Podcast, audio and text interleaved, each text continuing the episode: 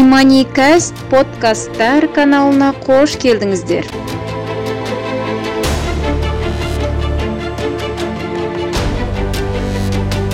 Қызықты тақырыптар пайдалы ақпарат түрлі мазмұндағы мағыналы сұхбаттар біздің иманикаст подкасттар каналында.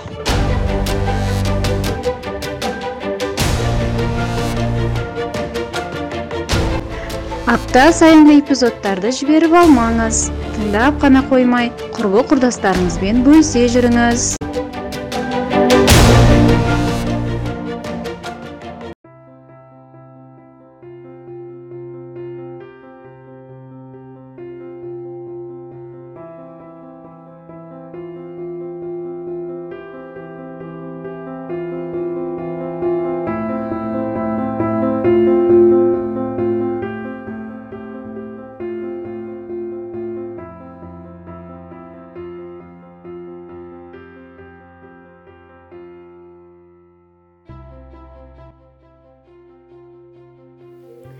Ассалаумағалейкум құрметті подкаст тыңдармандары бүгін біз әйел жәннатқа қалай кіреді деген тақырыпта ой қозғаймыз бүгін бізде қонақта қазақстан мұсылмандары діни басқармасының шымкент қаласы бойынша әйел қыздар секторының жетекшісі досжанова балжан ұстаз.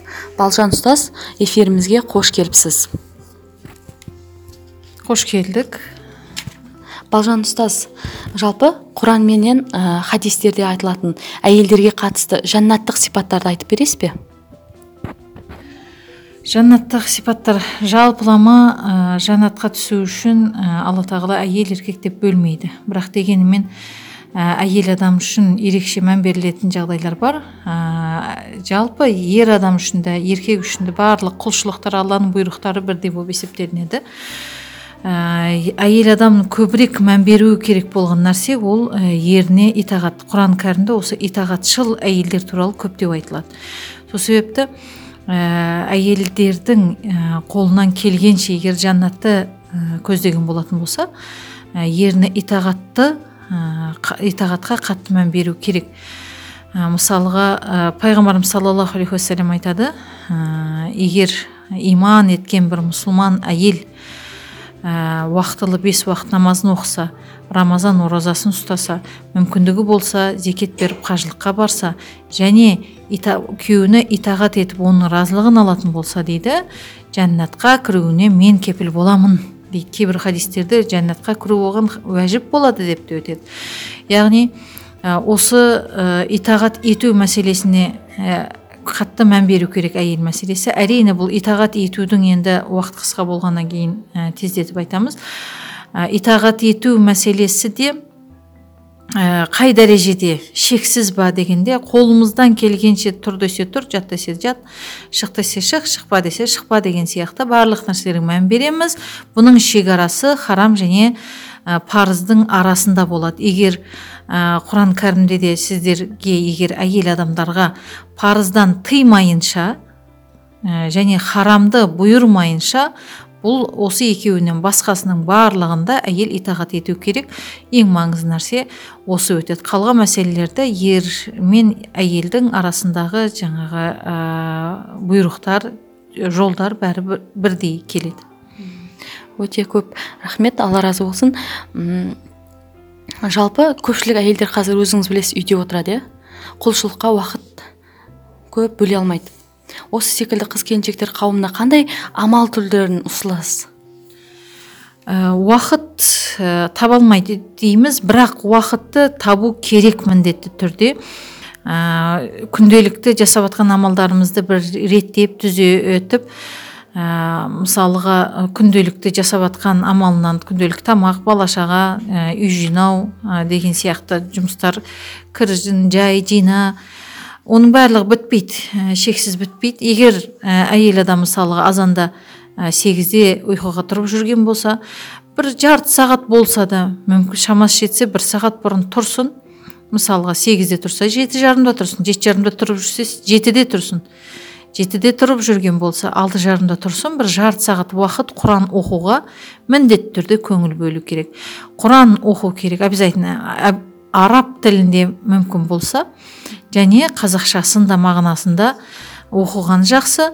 Және ә, басқа да әдеби болсын діни болсын психологиялық тұрғыдан болсын білімін арттыратын кітап ең аз бір бет құран ең аз бір бет кітап міндетті түрде әр мұсылман үшін ол маңызды. Өзіне бір шарт қойса бұған уақыт та кетпейді. Мысалға құран кәрімді азанда таң намазын оқығаннан кейін бір бет ең аз ең аз. Шамасы жетсе бір жүз оқысын шамасы жетсе одан да көп оқысын.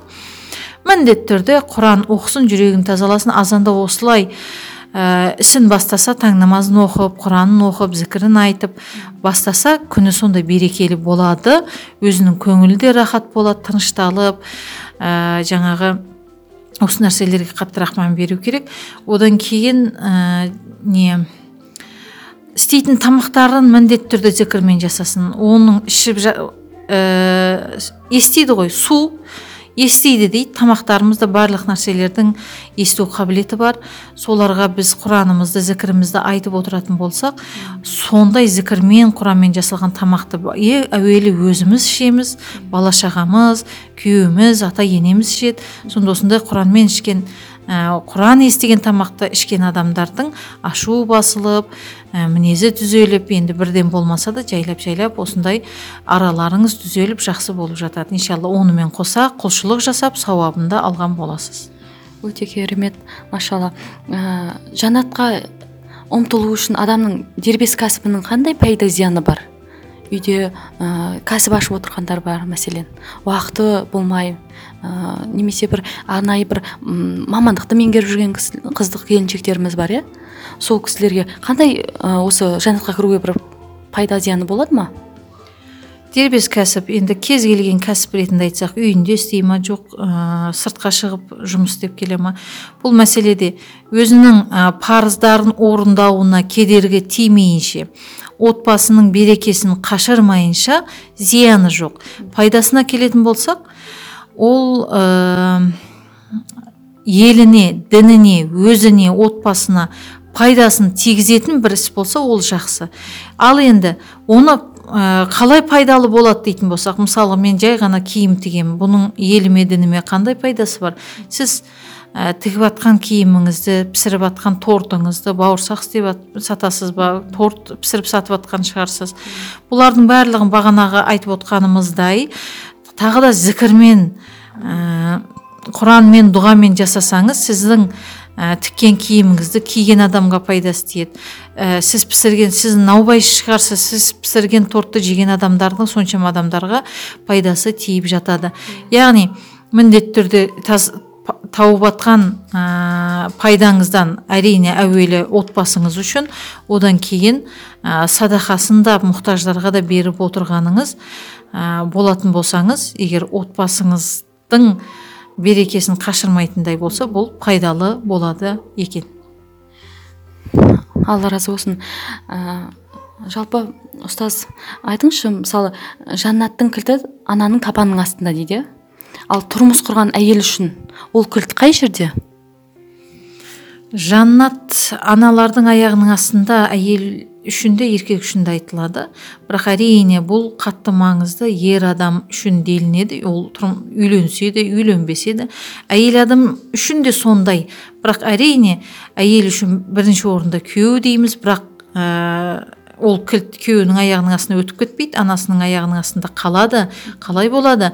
Сіз егер өзіңіздің отбасыңызда ә, жаңағы әдемі берекелі қылып ұстап отырсаңыз ұрыс керіссіз ұрыс керіс болған жағдайдың өзінде анаңызға жеткізбей сондай ә, әдептілікті сақтап ә, ата енеңіздің рахметін естіртетін болсаңыз анаңызға әкеңізге. Сонда сіз әке шешеңізді разы қылған боласыз. Және басқа уақыттарда мысалға м жаңағындай телефонмен хабарласып жатамыз үйіне барып жатамыз. Сол уақыттарда да қатты мән беріңіз. Өзіміз ә, анамның аяғының астында мен разылығын алуым керек деп күйеуіңізден рұқсатсыз барып әке шешеме қызмет етіп келемін деген дұрыс емес әрине. Бірақ сондай мүмкіндіктеріңіз туып тұрған кезде телефонмен хабарласып хабарласып жатасыз. Жылы сөздер айтып өсек аяң таратып уақыт кетіргенше ата енеңізді жамандап ә, оған көңіл бөлгенше одан да жылы сөздер айтып анаңызды мақтап ә, жаңағы ә, ашуланатын бір жағдайлар отбасы болғаннан кейін арада түрлі жағдайлар болып жатады. Ә, ашуымыз келеді бала болып ашуымыз келеді ана болып ашуымыз келеді. Бірақ осыларды ә, тіпті ол кісілердікі қате болып тұрса да әдемі тілмен ренжітпейтіндей қылып жеткізіп яғни аналарымызды ренжітпеуге тырысуымыз керек. Мен кеткен адам болды деп ол ата анаға ә, қатты дөрекі сөйлеп ә, дауыс көтеріп ә, ауыр сөздер сөйлемеу керек. Қолдан келгенше жылы сөйлеуіміз керек екен. Үйіне барғанда да сондай мүмкіндіктерді пайдаланып қалу керек. Жаңа уақыт жоқ деп айтамыз ғой. Балжан ұстаз қараңызшы кейде мысалы мынандай жағдайлар болады иә? иманым әлсіреп кетті деп жатады қыздарымыз иә? иманым әлсіреп кетті жаңағы ұстаздарымыздың уағызын тыңдай алмай оны уақыт таппай жатқан кездер деген секілді. Осындай жағдайларда сіз қыздар қыздарымызға қыз келіншектерімізге қандай мотивациялық жолдарды ұсынасыз? Енді иман әлсіреп кетті деген ол қалыпты нәрсе. Ә, баршамызда болатын тірлік. Пайғамбарымыз саллаллаху алейхи уассалам иман әлсірейіп күшеюші нәрсе деді. Сол себепті ол әлсірейді күшейеді өзімен өзі өз қалпына қалдырып қоймаймыз онымен күресеміз. Әрдайым ә, иманымызға жәрдемші болып отырамыз. Нәпсімізбен күрескен сайын иманымыз күшейеді иманымыз күшейген сайын да нәпсімен күресу оңай болады екен. Сол себепті үйде отыр екен мен неғылмай наоборот керісінше ә, әр мүмкіндікті мұсылман ә, пайдалана білу керек. Жұмыс істесе жұмыс істеген мүмкіндігін бір пайдасын жарату керек. Дін үшін ел үшін иман үшін. Үйде отырса оның да пайдасын табу керек. Үйде отырса мүмкіндік көп. Мысалға ә, жұмыс үйдегі тірліктерін дұрыстап пайдаланып уақытын дұрыстап бөліп керек жұмыс па істесін керек емес жұмыс па оны қысқартсын. Азаннан кешке дейін кухняда жүре бермей қолдан келгенше уақытын үнемді қолдану керек әйел адам. Пайғамбарымыз саллаллаху алейхи уассалам мұсылман адам екі нәрсенің ә, қадірін білмейді деді. Ол бос уақыт пен денсаулық деді. Осы бос уақытымызды дұрыс өткізуіміз керек. Құр ішіп жеммен айналыса беретін біз ә, жаңағы жан жануар емеспіз. Біз адамбыз. Сол себепті уақытымызды үнемді пайдаланып пайдалы қолдануымыз керек екен. Яғни иманмен әрдайым күресеміз. ә, үйде отырған кісілер үшін аптасына бір рет болса да ә, жиналу керек. Енді қазіргі карантин уақытында бұны біз ұсына алу қиын әрине. Жалпылама айтарымыз қолдан келгенше ә, жаңағындай уағыздасып уа, ә, мұсылман кісілердің ортамында жиірек болу керек. Пайғамбарымыз да осыны ұсынды. Жамағатпен бірге болыңдар өйткені иман әлсірейіп күшеюші нәрсе деді. Өйткені бір бірімізге көріп еліктейміз қызығамыз ұмтыламыз дегендей ә, және құран кәрімде салихтармен садықтармен бірге болыңдар деді. Өздерің салих болу қиын шығар мүмкін дегісі келген шығар алла. Бірақ салихтармен болыңдаршы сендерге салих болу оңай дегенге меңзеп тұр. Яғни қысқаша айтқанда салихтармен бірге болыңдар деген. Біз де қолымыздан келгенше салих яғни жақсы адамдармен ә, жібі түзу адамдармен иманы күшті тақуа адамдармен бірге болуға тырысуымыз керек екен. Алла разы болсын. Ә, балжан ұстаз бүгінгі эфиріңізге келіп ә, бізге сұхбат бергеніңізге алла разы болсын. Ә, осы подкаст тыңдармандарына ә, айтар тілегіңіз болса бір ауыз айта кетсеңіз. Иншалла баршамыз немен айналысып жатқан болсақ та үйде отырып жатқан болсақ та елімізге дінімізге иманымызға пайдалы болайық. Үйде отырсаңыз бала шағаңыздың тәрбиесі арқылы елімізге дінімізге пайдалы боласыз. Бос отырмаңыз мақсат етіңіз осы балаларды.